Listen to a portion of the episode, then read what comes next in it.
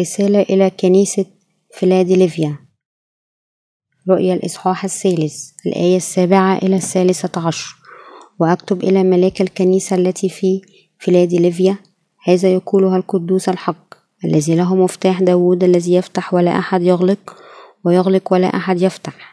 أنا عارف أعمالك هانذا قد جعلت أمامك بابا مفتوحا ولا يستطيع أحد أن يغلقه لأن لك قوة يسيرة وقد حفظت كلمتي ولا تنكر اسمي. هانذا أجعل الذين من مجمع الشيطان من القائلين أنهم يهود وليسوا يهودا بل يكذبون هانذا أصيرهم يأتون ويسجدون أمام رجليك ويعرفون أني أنا أحببتك. لأنك حفظت كلمة صبري أنا أيضا سأحفظك من ساعة التجربة العتيدة أن تأتي على العالم كله لتجرب الساكنين على الأرض. ها أنا آتي سريعا تمسك بما عندك لئلا يأخذ أحد إكليلك. من يغلب فسأجعله عمودا في هيكل إلهي ولا يعود يخرج إلى خارج وأكتب عليه اسم إلهي واسم مدينة إلهي أورشليم الجديدة النازلة من السماء من عند إلهي واسمي الجديد من له أذن فليسمع ما يقوله الروح للكنائس.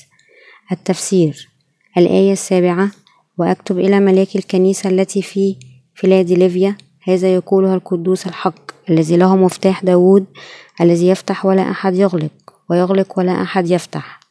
الرب يحكم ملوك ملوك السماوات كملك الكل. هو الله بالسلطة والقوة المطلقة.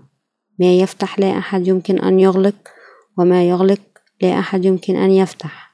الرب هو الله الكامل الذي جاء إلى هذه الأرض ونجى الخطاه من كل أساميهم بإنجيل الماء والروح. بوابة السماء يمكن أن تفتح فقط بمفتاح إنجيل الماء والروح المعطى من قبل الرب. لا شيء ما عدا ذلك يمكن أن يفتحها. فكل شيء ينتمي لهذه المملكة يعتمد على ربنا الله. الآية الثامنة أنا عارف أعمالك هانذا قد جعلت أمامك بابا مفتوحا.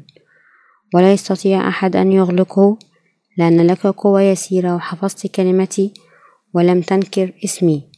الرب فتح باب الدعوة الإنجيلية خلال كنيسة الله في هذه الحالة. لا أحد يمكن أن يغلق الباب بدون سماع الرب.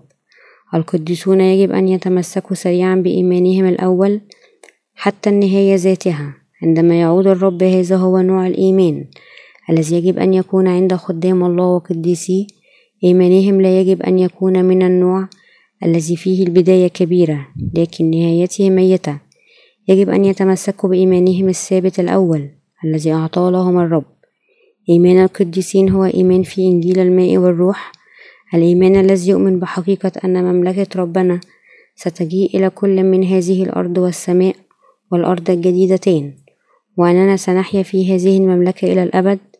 القديسون يجب أن يتمسكوا بهذا الإيمان حتى اليوم الذي سيقابلون فيه الرب الآتي. خادم وقديسون كنيسة فيلادلفيا كان عندهم فقط قوة قليلة. هم أيضا كان عندهم العديد من العيوب. على أي حال الأكثر أهمية أنهم حفظوا كلمة الله ولم ينكروا اسم الرب. الآية التاسعة هانذا أجعل الذين من مجمع الشيطان؟ من القائلين أنهم يهود وليسوا يهودا بل يكذبون. هذا أصيرهم يأتون ويسجدون أمام رجليك ويعرفون أني أنا أحببتك. الله قال بأنه سيسقط بعض من المؤمنين الباطلين إلى ركبهم لكي يعرفون كيف أحب الله كثيرا كنيسة فيلادلفيا حقا كنيسته. مجمع الشيطان من القائلين أنهم يهود وليسوا يهودا يشير إلى اليهود الذي اعتبروا أنفسهم ممجدين الله بإيمانهم لكن العديد منهم في الحقيقة لم يكونوا كذلك. بالعكس كانوا قد أصبحوا خدام الشيطان ويعيقون كنيسة الله وقديسيه نحتاج أن ندرك بأن اليوم كما سبق العديد من أولئك الذين يدعون باسم يسوع يعبدونه تحولوا لخدام الشيطان أيضا بكونهم مستعملين من قبل الشيطان كأدواته. أظهر الله حب خاص لخادم كنيسة فيلادلفيا الذي أحبه واستخدمه كوعائه للكرامة. الآية العاشرة لأنك حفظت كلمة صبري أنا أيضا سأحفظك من ساعة التجربة العتيدة أن تأتي على العالم كله لتجرب الساكنين على الأرض. بالأخص مدح الرب مدح الرب خادم كنيسة فيلادلفيا لحفظ وصاياه أن يثابر بدون هذا النوع من الصبر الخاص. في الحقيقة لا يمكن أن ننتظر اكتمال كل كلمة من وعود الله أن نحفظ وصيته للمثابرة يجب إذن أن يكون عندنا إيمان مطلق في كلمة الله لمثابرته الرب أعطى كنيسة فيلادلفيا جائزة خاصة. هذه الجائزة الخاصة تأتي في شكل رعاية كنيسة فيلادلفيا من ساعة المحاكمة. ساعة المحاكمة هنا تشير لصعوبات ضد المسيح. الآية الحادية عشر ها أنا آتي سريعا تمسك بما عندك لئلا يأخذ أحد إكليلك لأن عودة الرب وشيكته القديسون يجب أن يحموا ويحفظوا إيمانهم في إنجيل الماء والروح. يجب أيضا أن يؤمنوا وينتظروا كاملين للسماء والأرض الجديدة التي وعد بها من قبل الرب.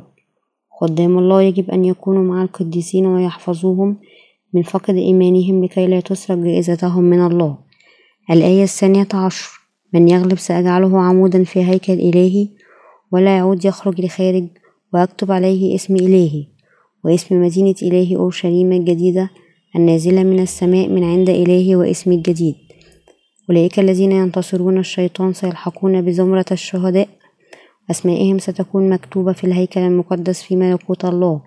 حتى الآن هم يستعملون كالعمال العظماء لكنيسة الله ويستمرون في أن يستعملون كآلات من قبل الرب. الآية الثالثة عشر من له أذن فليسمع ما يقوله الروح للكنائس. أولئك الذين عندهم الأذن لأن تسمع كلمة الله هم خدام الله وقديسيه. يسمعون ما يقول الروح لهم خلال كنيسة الله. هكذا خدام الله وقديسيه يجب أن يبقوا ضمن الكنيسة التي سمح لهم الله بها ويجب أن يحموا ويدافعوا عن هذه الكنيسة.